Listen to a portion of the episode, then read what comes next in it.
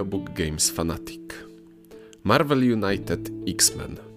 Część druga. Poprawiona? Tekst Maciej Poleszak. Ciuniek. Czyta autor. Kiedy niemal dokładnie rok temu typowaliśmy w redakcji, jaka gra zasłużyła w plebiscycie Grand Prix na wyróżnienie w kategorii najlepsza gra rodzinna, ja z pełną świadomością istnienia tytułów takich jak Łąka, Kaskadia lub Kroniki Zamku Avel wyciągałem palec wskazujący w stronę Marvel United. Minęło 12 miesięcy i, jeśli wszystko poszło zgodnie z planem, publikujemy ten tekst w dzień premiery polskiego wydania kontynuacji tamtego tytułu, tym razem z drużyną X-Men na okładce.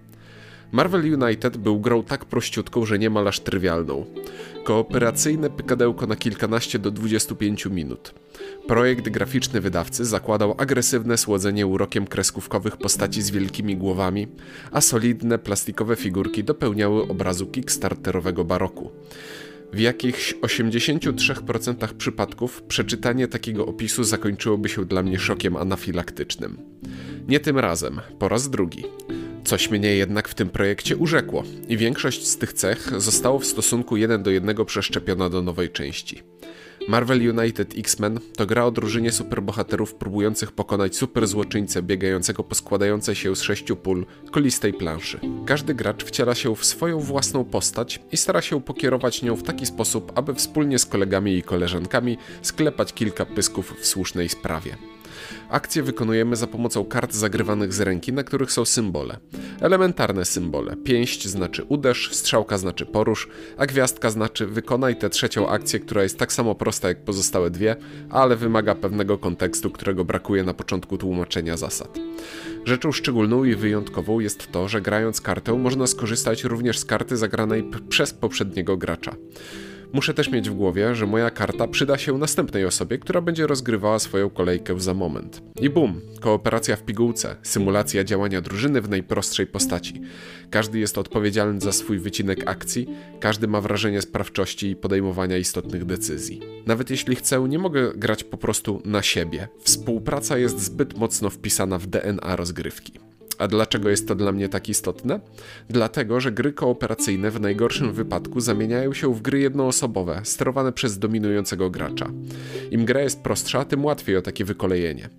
Marvel United X-Men jest pod tym względem sprytny i przystępny. W normalnych warunkach kartę ukrywamy przed innymi graczami, ale możemy o nich rozmawiać. Więc rozmawiamy o tym, co możemy zrobić i jak najlepiej zaplanować swoje działania. Ktoś czuje się mniej pewnie? Może wyjawić więcej informacji, albo nawet grać w otwarte karty, jeśli ma taką ochotę. Koniec końców jednak dynamika rozgrywki w naturalny i organiczny sposób zmierza do sytuacji, w której to działamy w ciągle rotujących parach. Ja właśnie grający rozmawiam z tobą, bo za chwilę będzie twoja tura.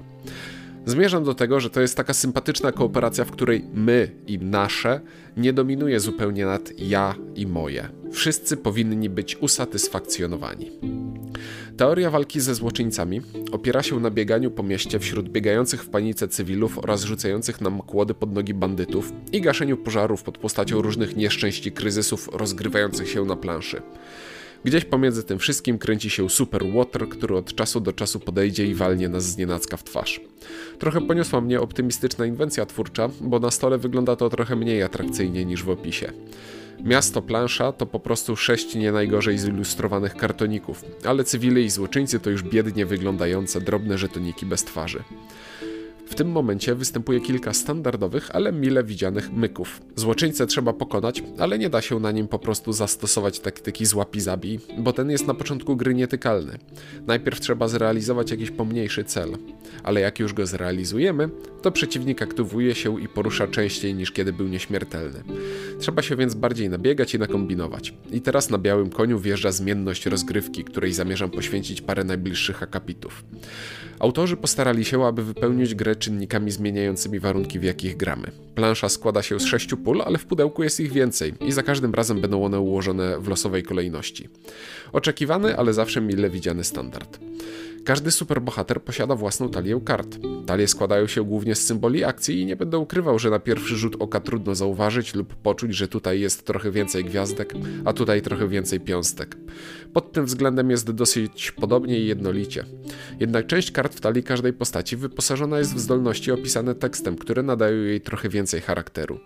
Nie bardzo, bardzo dużo, ale wystarczające minimum. W ramach kronikarskiego obowiązku napiszę, że X-Meni różnią się od siebie większą liczbą różnorodnych efektów niż Avengersi z pierwowzoru. Jednak najwięcej zmienności i charakteru, czarnego, wnoszą do gry złoczyńcy.